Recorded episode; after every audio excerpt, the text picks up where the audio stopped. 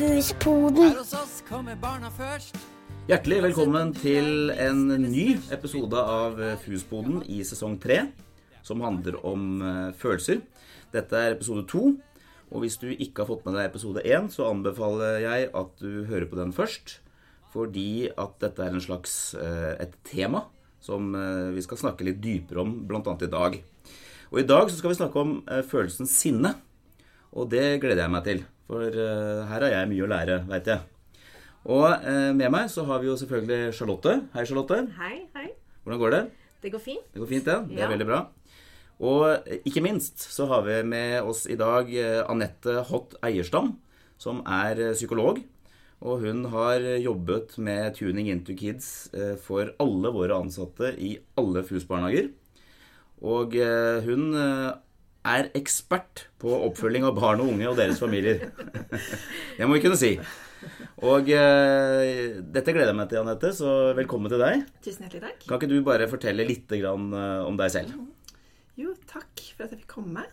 Jeg eh, er jo da psykolog eh, og eh, jobber med familier og med barn og unge i å hjelpe dem med å se litt inn i de utfordringene som er i de ulike familiene. Prøve så godt jeg kan å hjelpe. Mm. Mm.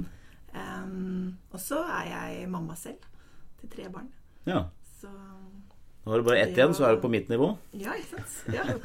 det er bra gjort. Mm. Så det er mye barn både på jobb og hjemme. Ja. Bra. Og i dag skal vi jo uh, snakke om følelsen sinne. Og Charlotte, det er, eh, hva tenker vi om, uh, om det temaet? Ja, i den store kompetansesatsingen som vi har, som vi kaller for Barnet først, så er det jo et stort fokus på å lære våre ansatte mer, om, mer om følelser og mer å gi dem kompetanse om hvordan de kan veilede barn i sin eh, emosjonelle utvikling, eh, sånn at eh, ungene i større grad føler seg eh, forstått og møtt på sine følelser. Og her har jo, sånn som du sa, Marius, Anette vært en viktig bidragsyter. Du har i sammen med din kollega Maria eh, gitt opplæring til alle våre ansatte i hvordan de kan både forstå og møte barns følelser, sånn at ungene får hjelp til å håndtere de. For sist gang, Marius, så sa du at du etterlyste en bruksanvisning. Ja, det trenger vi. Ja, og spedbarn de kommer ikke til verden med en bruksanvisning. Nei, jeg syns det er skuffende. Ja. Foreldres hverdag, det handler jo mye om å teste litt sånn hypoteser rundt hva er det mitt barn trenger. Hva er det som er galt nå? Er det sultent? Er det trøtt? Er det for varmt? Er det for kaldt? Eh, kanskje han er syk? Eh, og de fleste foreldre de feiltolker innimellom og strever med å forstå. Og som foreldre så kan vi kjenne oss litt sånn motløs, motløse når ungene griner f.eks. Opplever det som utfordrende å håndtere vanskelige følelser hos ungene. Og det som vi skal snakke om i dag, er jo hvordan vi kan forstå sinne. Og hvordan vi kan håndtere både ungene sitt sinne og kanskje òg eget sinne. Så Anette, kan du Hva er sinne? Ja. Hva er sinne? Hva er det for noe? Og Sinne er en viktig følelse. Og jeg tenker liksom at den sinne kanskje har fått et litt sånn ufortjent dårlig rykte på seg. Eh, og hva er det som gjør at den følelsen er så viktig? Et sånn viktig signal til oss. Eh, og mye av det handler om at sinne er ofte en reaksjon som kommer når noe truer det som er viktig for oss. Så det kan handle om viktige behov eller viktige verdier som står på spill. Og da er sinnets signal gjerne om at noen, noe eller noen har tråkket over en grense. Eh, og kanskje hindrer oss fra å oppnå noe som er viktig for oss. Oppnå viktige verdier eller behov som vi har. Em, og gjerne liksom i sin sånn primære form da, så blir det litt det at sinne representerer den derre uretten, den urettferdigheten. Som vi ofte kan høre fra småbarn. Det er urettferdig. Så det sier noe om Sinne er en viktig følelse, for den sier noe om grensene våre. Og den sier noe om verdiene våre. Og den signaliserer til oss når vi opplever at den blir truet eller blir tråkket over. Mm. Og den overordnede da behovet til den følelsen, det er nettopp at vi skal sette de grensene. Vi skal skape den avstanden og beskytte det som er viktig for oss. Eh, og det kaller vi gjerne for et selvhevdende sinne. Det var et vanskelig ord. Selvhevdende. Ja, det er litt vanskelig ord. Det er Ja. et sinne som på en måte blir et viktig og et godt sinne, for et sunt sinne, som gjør at vi klarer å evner å sette de grensene som er viktige for oss. Selvhevdende sinne. Så sinne, det gir på en måte en sånn styrke og en sånn indre kraft til å beskytte og stå opp for det som er viktig. Mm. Eh, både viktig for en selv, men også viktig for andre. Vi kan se noen andre opplever noe urett, så kan det også gi kraft i oss til å si fra eller til å stå opp. Um, mm, stå opp for de verdiene. Men jeg har jo en datter, da. Som eh, går i andre klasse. Og så har jeg da denne guttungen som går i barnehagen. Så dette er jo litt mer relevant for, for barnehagebarn. Men, men det er litt av det samme, tenker jeg, på, på dette med sinne med disse to skapningene mine. Og hun, hun datteren min hun skulle skrive et skoleprosjekt. Og så skulle de skrive noe om som vi skulle, de skulle overbevise oss foreldre. Ikke sant? Og så har hun lyst på hund. Så hun skriver altså et sånt flott brev med at hun skulle få en hund. Det var, det var spørsmålet henne til, til oss. Og jeg er allergisk mot hund. Jeg kan ikke ha hund, jeg. Det går ikke, det. Da går jeg og nyser, og da får jeg jo 24-7 forkjølelse. Det orker jeg ikke. Og jeg syns det er nok med fire barn nå. Og jeg skal ha en hund i tillegg. Men Og hun var helt sikker på at det skulle hun få. Når hun skrev den oppgaven Ja. ikke sant, på skolen. Og så kommer vi og leser så flott brev og sånne ting, og så sier jeg jo det at vi skulle gjerne hatt hund, men jeg er jo allergisk. Jeg kan ikke ha hund. Og hun ble altså så sinna. Altså det eksplo hun eksploderte i sinne, altså. Hun var ikke lei seg, men hun ble sinna, rett og slett. Og det Hva slags sinne er det, egentlig? ja, hva slags sinne er det? Hva slags sinne er det? Hvor kommer det fra? Var det den overbevisningen at, at dette skulle jeg få til, eller var det Altså, jeg skjønner ikke helt. Og her tenker jeg litt, Marius, at du er inne på også noe med, som er et viktig komponent å ha med seg litt i når vi skal være nysgjerrige litt på hva er det hun egentlig eh, opplever. Hva er det som ligger bak dette sinnet for henne? Er det denne primære urettferdigheten eller en, en som handler om en grense eller en, verdi for henne som hun opplever at blir tråkket over, eller hun opplever at det ikke Som truer på en måte noe som er viktig for henne? Mm. Eller handler det om kanskje også noen andre følelser under, som du sier om at hun ble jo ikke lei seg eller trist. Det var det kanskje noe du hadde en eller annen hypotese om her, om at det kanskje egentlig har vært mer naturlig å kjenne at hun ble lei seg for det. Ja, jeg trodde jo at hun skulle bli lei seg ja, mer. Ja, mer lei seg. Så Ja. blir jeg litt sånn overrasket over at hun blir, blir sint. da. Ja, ja.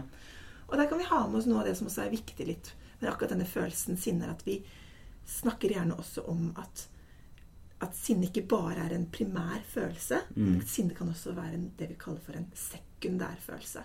Det betyr at egentlig sinne blir som en beskyttende følelse over litt mer sårbare følelser. Og når jeg sier sårbare følelser, så handler det kanskje om følelser som tristhet, som frykt, Mm. altså engstelse. Det er egentlig de følelsene som kanskje ligger litt under, men så kamuflerer sinnet for den, Mm. for den triste følelsen. Det henger veldig i hop, alt dette her også. Så, ja, så, så henger det litt i hop, og så er det veldig mange barn som når de føler tristhet, så kan de også egentlig uttrykke tristheten sin med mm. sinne. Så vi ser kanskje sinne, men så ligger det kanskje noen andre følelser bak. Ja. Og det å være nysgjerrig litt på at, at det kan faktisk være kanskje noen andre følelser også som ligger under. Og da, og, og da en annen type følelse som jeg forstår, eller som også er sinne, det er han treåringen når han skal ta på sko. Så greier han ikke. Da blir han også fly forbanna. Mm. det er ordentlig sinne, altså. Ja. Ikke sant? Men det er en annen type sinne, tenker jeg. Det er litt mer Altså det er sånn mer sinne som jeg skjønner, da. ja, ikke sant? Det blir mer forståelig for deg. Ja, det er mer forståelig for meg. Ikke sant? Mm. For det, da, det er blanding av frustrasjon, kanskje, og ikke få Ja. til, og, Ja, og så blir det, det. så blir det uttrykt i sinne. Da er det sånn det funker. Absolutt. Mm. Ikke sant? Han, det her har han lyst til å få til. Han er liksom en alder hvor det å skulle få til dette selv Mm. er kjempeviktig. Ikke sant? Å kjenne at han, han mestrer å få på de skoene. Ja, Eh, gjøre selv. ja, ja. ja. ja det, sier, det sier alle barn. Ja, det Gjør gjør selv. Barn? Jeg fikser. det. Mm. når de ikke får til det, ikke sant? enten fordi man ikke har forutsetninger til å klare det, eller fordi at det er mer komplisert for dem, så skaper det masse frustrasjon og Mm. I det å mangle mestringen. Eller Hvordan håndterer man det riktig, da? Altså, eh, hvis man har dårlig for, ja, ja, så for eksempel hvis man har dårlig tid, da. Og ikke får på skoene og skal gjøre det selv, men ikke greier det. Er det en oppskrift på det? oppskrift på det.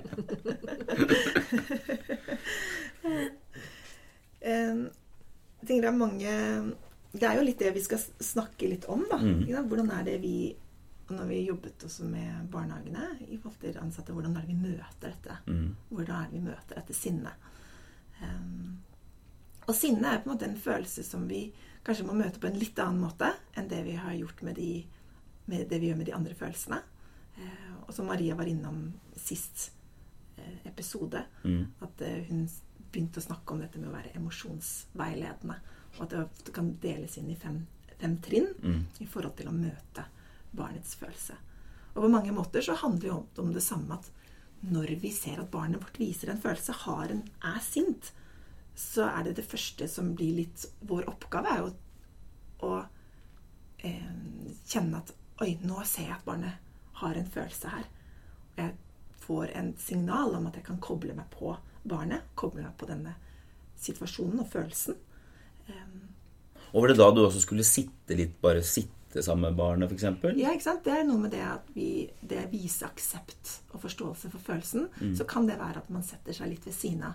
eh, Viser en, empati for barnet i forhold til den opplevelsen de har.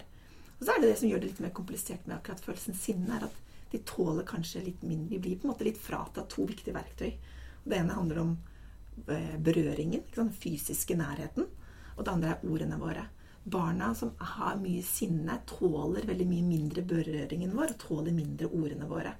Slik at litt disse to fordelene våre blir litt, litt sånn rammet litt. Um, men det betyr ikke at vi allikevel kan koble oss på barnet. Vi kan kanskje gå ned og sette oss og gjøre oss tilgjengelig for denne treåringen ikke sant? som sitter og kjempefrustrert på de Ikke skoene. greier. Ikke greier det. Og da er litt av clouet når vi skal møte følelsen sinne, at ikke vi møter den matchingen med, det, med litt den tonefallet som gjør med tristhet. For hvis vi hadde møtt dem sånn 'Å, nå ser jeg at du blir frustrert på de skoene dine.' Det blir enda mer sinna. Ah, ikke sant? Det er Ja. akkurat det som skjer. Da skaper det bare enda mer frustrasjon. For en opplevelse at 'hæ, du skjønner ikke helt ikke sant, hva, jeg, hva jeg kjenner på'. Så da blir litt clou å være litt sånn matchende i følelsen og si noe mer sånn 'Åh, de, det var frustrerende for deg. Du har kjempelyst til å få på de skoene.' Og så lissene, og så de borrelåsene, og så åh.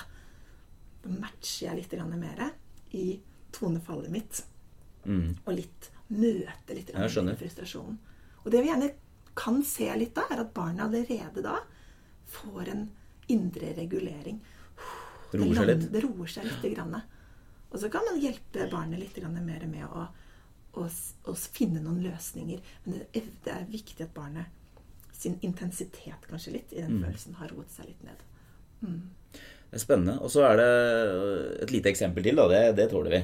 For at da, da får jo lære jeg litt òg, ikke sant? Men um, noen ganger altså Han guttungen er ved, altså, kanskje noen av de letteste barna jeg har lagt i hele mitt liv. Altså når du skal sove. Ja. Så han, um, han er veldig lett å, å legge. Og, men noen ganger så slår han seg vrang. Og da blir han ordentlig sinna. Og da spenner han hele kroppen. Skal ikke ha, ha på verken pysj eller ta av klær. Og da skriker han altså regelrett altså, og slår ordentlig siden av. Mm. Og da sliter jeg litt med hva jeg skal gjøre, for jeg kan jo ikke skal, skal jeg, Er det bedre å vente litt da? Eller skal jeg gjøre det så dumt som jeg gjør, og så bare tar han klærne? Mm. Mm. men jeg har tenkt litt på det. Kanskje man skal Ja. vente litt isteden? Jeg vet ikke. Jeg har lyst til å si noe aller først før jeg kanskje svarer litt på spørsmålet ditt. Mm. Det er du sier noe om at han blir så sint at han er så Han blir sånn Ja, i hele liksom kroppen. Kraften er så utrolig sterk. Da. Ja. Og det er også noe av det som er viktig kanskje å ha med seg litt med den følelsen sinne. At det er så mye kraft. Mm. Fordi vi gjør oss liksom Den følelsen skal på en måte gjøre oss litt klar til kamp, da. Eh, og den gjør oss Den gjør oss litt sterkere og litt mer intens fordi den har en kraft i seg til å skape endring. Det er litt av, litt av hensikten også med den følelsen. At jeg vil skape en endring. Em, og det blir veldig sånn drivkraft. Og det som, som skjer i den lille barnehjernen, da Det skjer jo for så vidt i vår voksenhjerne òg, men i barnehjernen er at, at um, adrenalinet og kortisolet øker, så stresshormonene eh, Ja, da er stressa. Veldig stressa. Veldig. Og da blir de veldig sterke. Og det er nesten om vi kan kjenne oss igjen. Han blir nesten mer sterk enn det du Ja, ja. visste at han kunne være. ikke Ja. sant? Og så ser du på hele ansiktet hans òg. Du ser at det, å, det, Han så farlig ut, tenker jeg. Ja, Han gjør seg klar til kamp. Han, Ja, mobiliserer han til For, kamp. at, for at han ikke skal legge seg. Ja, ikke sant? Mm. Og um, da er det noe av det som blir litt viktig for oss, er at vi må hjelpe til med å møte på en måte denne følelsesmessige delen av hjernen hans mer enn den fornuften. For hvis vi snakker til liksom den fornuftige delen av hjernen, så er ikke den koblet på den. Og det er akkurat som du sier, at da kan jeg, er det mindre hensiktsmessig. Da. Det er ikke like Vi får på en måte kanskje ikke helt med oss barnet om vi skal prøve å snakke de ut av den situasjonen. Vi må møte dem på en litt annen måte. Vi må møte dem i den delen av hjernen som er aktivert, som er den følelsesmessige delen. Og da kan det være mye mer bedre å, som du sier, vente det litt ut. Skal man snakke? Skal man, hva gjør vi? Ja, det, Der er igjen det litt mindre ord. For det tåler dårligere ordene våre. Men han stikker av, vet du. Ja, ikke sant? Han, Sånn, bare, han, han løper av gårde. ja. Så hvis han er på badet, så bare løper han. Han vil ikke være sammen med meg, i hvert fall. Nei. Ikke sant? Så da, da løper han av gårde. Ja. Um, og det er noe med at vi, vi, vi kan ta disse, disse signalene som vanlige signaler når barnet viser mye frustrasjon og Mm. Så kan det uttrykkes på forskjellige måter. Og noen barn skriker, andre løper. Og det allikevel da gå, gå inn og prøve å vise at det er tilgjengelig, og hjelpe barnet med å få roet seg litt ned um, i, før man begynner å gå inn og prøver å løse det. Eller før man går inn og holder kanskje ved den grensen. Det skal legge seg fortsatt. Det er ikke det at vi tenker at ja, men da Da kan du bare være oppe da du, og se på et par, vi- par timer TV til. Ja, kan du Ja. slukne ved sofaen, på en måte. Vi holder liksom ved grensen vår, eller vi holder ved kravene våre. Mm. Men det kan være nyttig å ikke starte ut med kravene, men starte heller mer ut med å hjelpe barnet med å få roet det litt ned. Hvis han løper av gårde, da, altså fra badet til stua eller kjøkkenet, eller eller annet, skal jeg gå etter? Hva, hva tenker du da? Hva, hva gjør man som er lurt? Jeg er ganske sikker på at det er flere som har opplevd dette her, Også. Ja, absolutt. Det høres eh, Høres kjent Det ut. høres kjent ut. Mm. Ja. Ikke sant? Og det er um, Når barna Det er jo noe med at de barna viser på en måte da følelsene sine på litt sånn ulike måter. Og da blir det litt mer kaotisk for oss. Det kan du si. Ikke sant? Eh, og det er likevel Det er ikke sånn at det er noen fasit på akkurat hva du skal gjøre. Eh, eller noe konkret at ja, da løper du etter, du Ja. også. Ja, ja, men skal jeg ikke gjøre det? Ikke sant? Kan jeg ikke løpe etter Ja, det? jo. Men det handler jo mer om hva er det du kan gjøre som forelder, som handler om å skape en eller annen form for forutsigbarhet og en ro, eh, og møte han eh, for å skape en kontakt. Mm. Det høres så lett ut. Det høres litt lett høres så lett ut. Ja. Ja. For det tror du kanskje kommer litt inn på her. Det handler om litt sånn hvordan er det du har det i denne situasjonen. Ja. Ikke sant? Hvor er dine følelser? Mine følelser er at du bør legge deg, og jeg øh, bør få deg i seng. Det er mine ja, følelser. Er dine følelser. Ja. Ja. Fordi at du skal ha en barnehagedag i morgen, og jeg skal også ha en dag i morgen. Ikke sant? Så da kommer jo på en måte veldig opp det som er våre behov. Ja, ja. Ikke sant? Og våre krav, og noe av det vi trenger at barna eh, gjør, på en måte. Ja. Eh, og så kommer disse litt sånne følelsene eh, i veien for det prosjektet vårt. Jeg får alltid roa det ned til slutt, men det, er, det tar litt tid. Så, men det er litt kamp, det, altså. Det er litt sånn slåsskamp på badet da. Syns jeg, da. Ikke sant? Mm. Prøv å unngå det, da. Prøve å unngå det. Ja. Mm. Da er det mer å lære på, da. Mer å øve på. Mhm, Må øve mer, jeg nå, tror jeg. faktisk. Mhm. Ja.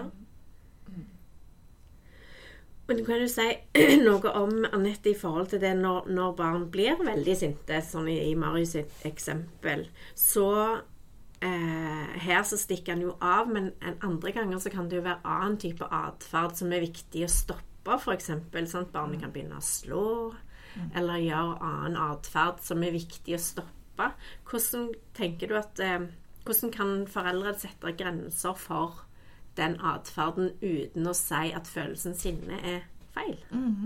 Ja, For eksempel med biting og sånn, ja. Ja, ikke sant. Mhm. Han, ser, han har jo tatt armen min ved enkelte tilfeller også altså, At det skulle vært et kyllinglår Ja. som han setter tenna i. Mm. Når barna har veldig sterke følelser, så tenker vi at det er et signal til oss om at nå trenger barnet hjelpen vår. Den trenger hjelpen vår til å, til å, å få regulert det uttrykket. Um, og da er det noe med at vi selv må også liksom, gjøre oss litt klare, da, eller gjøre, ta en liten sånn pause, nesten. Trekke pusten litt og bare Ok, nå kobler jeg meg på dette. Og ut ifra intensiteten i den følelsen så krever det litt ulike responser fra oss.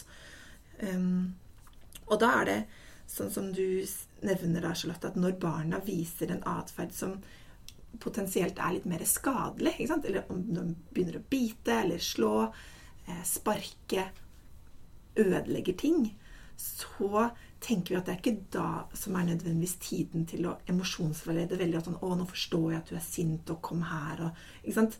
Vi prøver oss Vi stopper på en måte atferden. Men det som kan være lurt, det er at vi har snakket med barnet litt i fredstid, når de barna er utenfor situasjonen, og sagt noe om at når du blir når du blir så fylt av de følelsene dine, og blir masse sinne, og du får lyst til å bite, og du får lyst til å slå, så kommer mamma eller kommer pappa til å, å stoppe deg. Og da kan det være at vi holder litt rundt deg, eller vi tar deg med inn på rommet. Og jeg vet du ikke liker det, men så er det vi er nødt til å gjøre det likevel for å holde deg trygg. Og når vi har gjort det forutsigbart for barnet hva vi kommer til å gjøre i de situasjonene, så blir det også litt lettere for oss å, å gripe inn når vi skal stoppe en veldig vond, vond atferd, på en måte.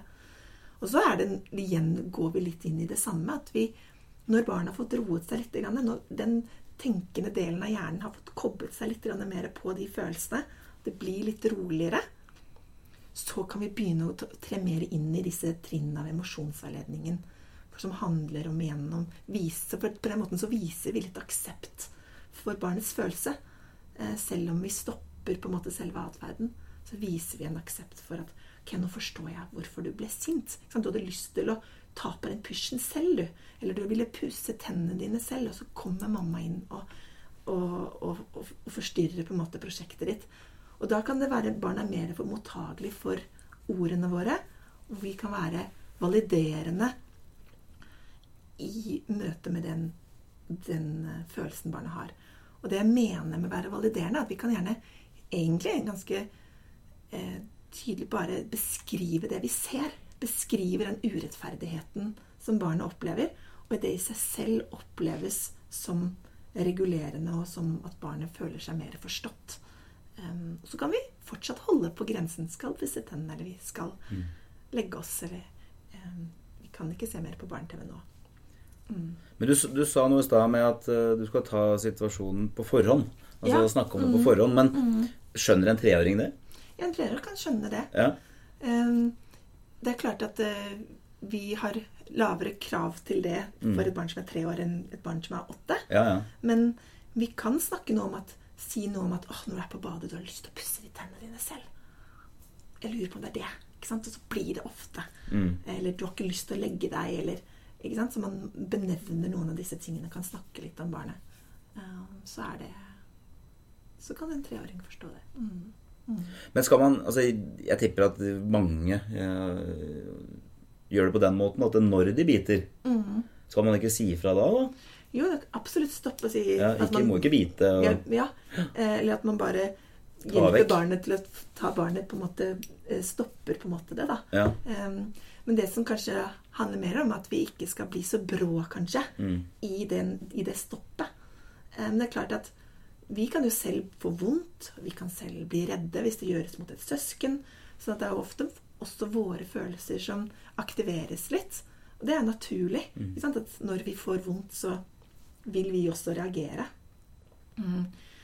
Men det kan være godt for barnet å ha en liten At eh, de får en forståelse for hvorfor vi stopper, eller at vi, vi sjekker litt sånn inn med barna likevel. Med at jeg, Mm. um, jeg, jeg ser bak bitingen din, da, på en måte. Mm. For når, eh, når noen blir sinte, eh, altså når vi møter f.eks. barn som blir veldig sinte, så kan det jo ofte hende at vi voksne blir sinte sjøl.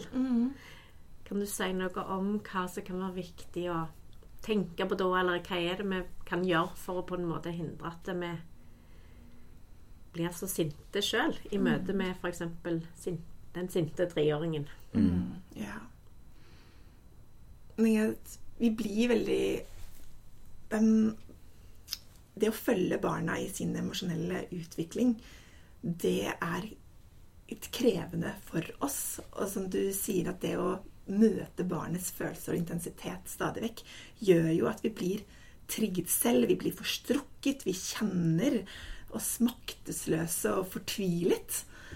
Um, og det å kjenne på at kanskje også det sinnet som barnet har, er litt sånn urimelig. Uh, og vi kan da lettere kjenne på at vi også blir uh, sinte selv. Um, og det kan være både frustrerende for foreldre å kjenne på, det kan også være ganske skremmende. Ja, man kan kjenne at det også ledsager en del dårlig samvittighet. Um, jeg tenker at det første handler om å bli bevisst sine egne, sine egne triggere. Er hvilke situasjoner er det jeg kjenner på dette mest? Er det noe jeg kan gjøre for å forberede meg litt i forkant av det? Er det sånn at leggesituasjonen er den en krevende situasjon jeg ofte kjenner at jeg selv blir forstrukket? Eh, kan jeg forsøke å være litt i forkant? Eh, og kan jeg legge inn en pause for meg selv? Kanskje trekke pusten? Kanskje si noen beroligende ord eh, til meg selv? Forsøke å, å roe meg før jeg Så jeg har litt sånn overskudd når jeg går inn i situasjonen. For vi vil være til veldig stor hjelp når vi kan kjenne våre egne signaler. Og noen ganger også kan være en hjelp å si litt sånn til seg, til, høyt til seg selv nå kjenner jeg at jeg blir litt irritert. Det gjør, det gjør, noe med oss. Det regulerer oss litt i øyeblikket når vi kan verbalisere det litt. Um, og så kjenner man at sinnet blir veldig, vokser veldig i oss, så kan det være lurt at vi heller prøver å trekke oss litt unna.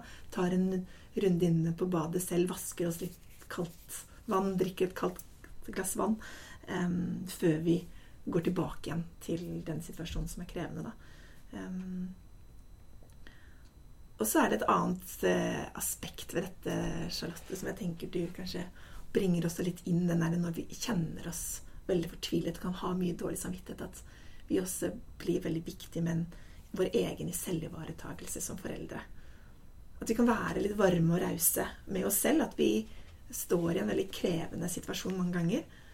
Og vi kan bli veldig få dårlig samvittighet og ta negative tanker om oss selv som foreldre. Um, og at i det at vi kan kjenne på en mer raushet overfor ja, oss selv og situasjonen vi står i. Um, og derfor er jeg så opptatt av denne egen ivaretagelsen, som er noe mer enn bare avkobling, eller noe mer enn bare å, å eh, egen tid. Men det handler om en emosjonell ivaretakelse. Hva er det du eh, kan gjøre for å gi deg selv eh, Fylle opp på en måte, liksom din, egen, egen, din, din, eget påfyll. på en måte. For jo mer vi kanskje fylt, er litt sånn fylt selv av eh, det egenomsorg eller egen ivaretakelse, så blir det lettere også for oss å stå i disse krevende situasjonene med, med barna. Um, og så er det også noe annet kanskje aspekt i dette som er viktig å ha med seg i møte med denne følelsen sinne. At vi kan alltid reparere når det har vært et brudd i, i relasjonen mellom barn og foreldre. At det å reparere er liksom et håpet vårt i, i relasjonen med, med, barna våre. Um, og vi kan alltid gå tilbake og snakke om det som skjedde. Både når vi kanskje har vært unnvikende, altså når vi ikke har helt forstått, helt sett. Vi på en måte bare på en måte brøsjet litt over og ikke involvert oss i noe som vi kanskje burde ha, ha sett hos barnet. Men også de gangene hvor vi kjenner at vi har tråkket over barnets grenser. Vi kan kjenne på en dårlig samvittighet for hvordan jeg håndterte situasjonen. Og da er det kanskje viktig å ha med seg litt at en reparasjon er noe mer enn å bare si unnskyld. Men reparasjon handler om ikke det å Det er noe annet enn å lette på vår egen samvittighet. Men det er en god reparasjon er når vi trer inn i barnets opplevelse, hvor vi prøver å sette oss inn i hvordan var dette for barnet mitt. Hvordan er det jeg tror barnet opplevde denne situasjonen. Um, og da kan det være nyttig å si noe om at i stad, når jeg ble så rasende på deg, på de skoene, så lurer jeg på om du ble litt sånn redd. Ble sånn skremt av den høye stemmen pappa hadde. Lurer på om du ble litt lei deg. Det er ikke rart at du ble skremt da. For du hadde trengt at jeg var rolig, og at jeg kunne støtte deg og hjelpe deg med de skoene. Det, er en, det er en god reparasjon. Hvor vi anerkjenner eller ser noe av hva det var barnet opplevde. Og så kan vi også si noe om hva vi kunne ha gjort istedenfor. Mm. Hva er det barnet egentlig trengte fra meg i den situasjonen? Um, mm.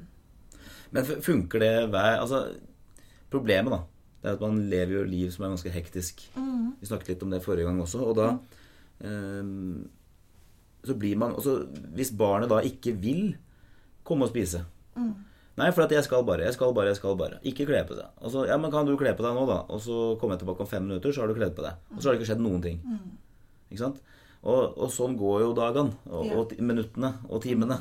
Og hvis man da skal rekke ting og sånn, mm. til slutt så, så, orker man ikke å være så grei lenger. Skjønner du hva jeg mener? Altså, da blir man litt sinna, da. I hvert fall så gjør jeg det. og det er kanskje ikke så bra, men jeg tipper at det er ikke bare meg i verden som, som blir litt sinna når sånne ting skjer på morgenen eller på hektiske hverdager. Hvordan skal, man, hvordan skal jeg det, håndtere det bedre? Altså, hvordan skal vi få Hvordan skal vi få hvordan skal vi få, få, endene til å møtes? Eller hvordan skal vi skjønne hva jeg mener? Ja, absolutt. Ja, jeg tipper at du også som psykolog har vært borti de situasjonene. at du ikke Jeg har ikke tid til det akkurat nå, jeg. Nei, man har ikke det. Nei. Ja, man har ikke det. Og det er jo liksom viktig å ha med seg her nå at når vi jobber med å, å være emosjonsveiledende på barnets følelser, så betyr ikke det at vi skal eh, gjøre det hver eneste gang. Mm. Men det handler om at en, Kanskje heller en, en, holdning om at jeg har med meg en bevissthet rundt at jeg har lyst til å bidra til å forstå barnets mine følelser eh, litt mer enn det jeg kanskje gjør i dag. Mm. Eller at det handler mer om at jeg eh, bygger, vi bygger på en måte inn en kompetanse i barna som gjør at vi kan tre noen ganger litt ut fra den spesifikke situasjonen vår, og heller tenke sånn større perspektiv. At nå, når jeg møter barna mine i noen små episoder eller ting i løpet av dagen, så bygger det en, en, en emosjonell kompetanse som vil styrke dem på lang sikt. Mm. Så vi har et sånn, et sånn langtidsprosjekt, egentlig. Men så er det sånn som du sier, da. Livet skjer og inntreffer, og vi har praktiske prosjekter og ting som skal gå. Og så kommer alle Vi er jo ikke separert fra følelsene våre inn i alle disse tingene her. De, de følger jo med oss. Og så er det noen ganger at det, det snapper litt for oss, mm. på en måte. Man har ikke fire timer på morgenen. Nei, man har ikke det. Og noen ganger så handler det om at vi må kanskje stoppe litt opp og så tenke Oi, er det noe vi kan strukturere litt annerledes? For å gi oss litt mer det rommet. Mm. Kan jeg gi beskjeder på en litt annen måte som gjør at jeg ikke hele tiden blir for strukket i det? Um, og det handler kanskje om litt noen andre uh, ferdigheter vi har som foreldre, som vi bruker i møte med barna våre, som, som, uh, som også er en del av oppdragelsen, men som ikke nødvendigvis alltid um, Eller som kanskje er noe annet enn det vi også jobber med spesifikt, som handler om på en måte hvordan møte barna i mm. en spesifikk følelse. da. Det er i hvert fall der tidligere her i Fusboden. Det er at man kan ikke gå bort og si at det, 'Nå skal du slutte med det, for nå skal du gjøre det'. Mm. Det er vanskelig. Mm. Man må forberede litt før. Barna må forberedes før. Ja. Gjerne spesielt disse barna som er Vi var, eh, vet dere, var innom litt sånn temperament forrige mm. episode. At barna er veldig forskjellige. Og noen barn er mer det vi kaller for reaktive. Det vil si at de føler følelsene sine raskere og sterkere. Og det er ofte vanskeligere for de barna også å ta beskjeder. Sånn at vi må kanskje være i møte med disse barna. Så må vi eh, på mange måter være eh, litt mer gjennomtenkte, da. Med hvordan vi rammer barna inn, og hvordan vi eh, hvordan vi eh, gir beskjeder, f.eks., eller eh, hvordan vi setter grenser, hva vi setter grenser for, må være mer forutsigbart for de barna som har et, et temperament som gjør at de raskere går fra 0 til 100. Mm. Eh, enn de barna som er litt mer lavmælte og rolig temperamentet sitt. Mm. Ja, og vi voksne kan kanskje få litt mer tålmodighet også, men eh, det er ikke så lett. Mm. Nei, det er ikke så lett når vi kjenner vi har mange eh, ting som gjør at vi blir litt forstrukket. Um, mm. Er det noen grøfter som eh, du tenker med foreldre kan gå i møte med barns sinne? Er det liksom noen sånne Ja. Mm. Hva mener vi med grøfter? ja, Hva mener jeg med grøfter? Ja, med grøfter? ja. Ja. Mm. Jeg lurer på Det er kanskje noe med at vi kan Med den følelsen så kan vi kanskje enten at vi går rett inn og korrigerer bare atferden med en gang. Det kan være en, en grøft, på en måte. At vi, vi til stadighet bare går og sier på en måte nei til, til uh, atferden barnet har, istedenfor å Og da kan det hende at barnet føler seg litt lite hørt, lite forstått. Mens den andre grøften kan jo være at vi blir veldig forståelsesfulle for følelsen, uten å kanskje hjelpe barnet med å veilede på en annen måte å uttrykke seg på. Slik at da gjør det jo til at de får en veldig De blir um, veldig validert, eller får en forståelse av at følelsen min er akseptabel, men jeg får kanskje litt lite hjelp til hvordan er det jeg likevel i neste omgang kan, kan um, uttrykke meg. For noe av det vi kanskje ikke har vært innom så tydelig enda i denne episoden i dag, handler om at vi gjerne skiller mellom selve følelsen. Det å være sint. Om det er den sinte følelsen av urettferdighet, eller om det er en annen, den kamuflerte følelsen, på en måte. Og selve uttrykket. Hvordan er det jeg viser følelsen min? Og det er ofte det som vi ser. Ikke sant? Vi ser en veldig sånn sint atferd. Kan, kan, kan det være f.eks. slå tallerkenen Ja, i bordet? Slå Bom, tallerkenen i bom, bordet. bom, bom. Ja. Ja, mm. Ikke sant? Det er å skrike eller å slå eller ikke sant? løpe raskt unna eller kalle stygge ting. Ikke sant? Mm. Ja, dumme, dumme pappa. Dumme pappa. Mm. Det- Verdens verste pappa. Ja, for eksempel. Ikke sant? Det, det, det er selve uttrykket. Og det jeg mener litt med at følelsen sinne kanskje har fått et litt ufortjent rykte, er at vi kanskje noen ganger på en måte anser det uttrykket da, som følelsen, når egentlig følelsen ligger under, som er alltid gyldig. Det er alltid akseptabelt, på en måte, den selve følelsen. Men det er uttrykket, hvordan vi viser det, hvordan vi kommuniserer den følelsen, som ikke alltid er så heldig for oss. Fordi det skaper gjerne en avstand. Um, og det gjør at vi ofte kan bli veldig korrigerende på selve det barnet gjør, istedenfor å hjelpe barnet med selve følelsen. Og så kan vi hjelpe dem og veilede dem på at vi kan, du kan gjøre noe annet også. Mm. Men det tar litt tid, og det er noe som vi bygger gjennom barna over på lang sikt. Um, med disse små dryppene og disse små eh, på en måte innsjekkene vi har med barna våre. Det blir jo litt sånn på lik linje som at barnet skal lære å spise sjøl, f.eks. Det Mhm. lærer jo ikke det bare at vi gir dem skei. Nei. De må jo øve og øve og få hjelp av oss. Mm. Og på en måte hele tida Ja. um, få muligheter til å trene seg. Og det samme blir jo i forhold til følelsene òg. At de må få Det er mange små drypp gjør at de Mhm. Ja. stadig vil håndtere det bedre. For eksempel da frustrasjonen i å ikke få på seg skoene. ja. Det hadde jeg blitt også hvis jeg ikke hadde fått på meg skoene. Ja. Veldig bra. Da tenker jeg at uh, vi har kommet til veis ende i, i dagens uh, episode. Og uh, jeg har fått masse gode råd som jeg skal fremdeles hjemme og øve på. Og jeg gleder meg til neste uke, for da skal vi snakke om engstelse. Og jeg tenker at engstelse det er jo også noe som er eh, viktig å, å, håndtere. Fordi jeg husker selv jeg var mye engstelig som barn. Og jeg vet at eh, i hvert fall min datter er mye engstelig også. Så da gleder jeg meg til å få gode tips om det, hvordan man kan håndtere det på en bedre måte. Så, så fram til det så sier jeg bare takk for i dag jeg, til dere. Ja, takk for i dag. Snakkes vi. Mm, takk for i dag. Ha det. Ha det. Dag det er i uka har ikke noe å si. Det er på hverdager man skaper hverdagsmagi. Gulvet er lava, teppet er hav. Finn deg en pinne som tryllestav. Matbakkboksen er rattet på. Et superromskip med oppskyting nå. En knapp du finner kan bli en diamant. Hvis du sier den er verdt en million, så er det sant. Bli med og spill luftgitar. Og har du lyst til å synge, så gjør deg klar.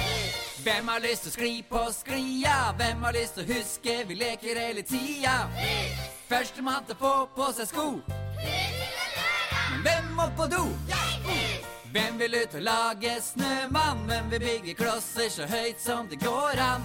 Bygg verdens høyeste hus. Og hvem vil hoppe paradis?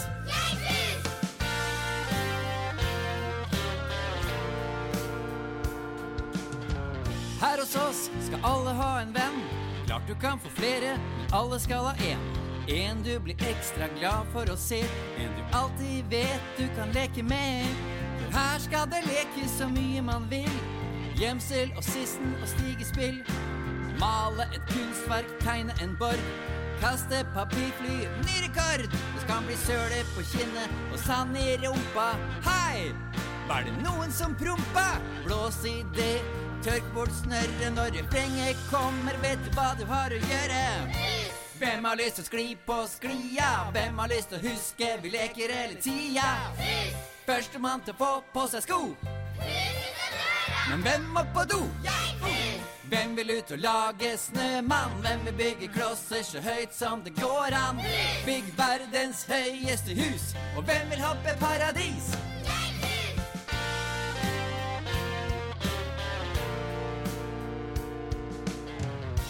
Det er ikke bare barn her i barnehagen vår. Noen må lese, lage kakao og plastre på sår. Dra i gang turer, snakke med barna, prøve å forstå. For å få glade barn må de voksne passe på.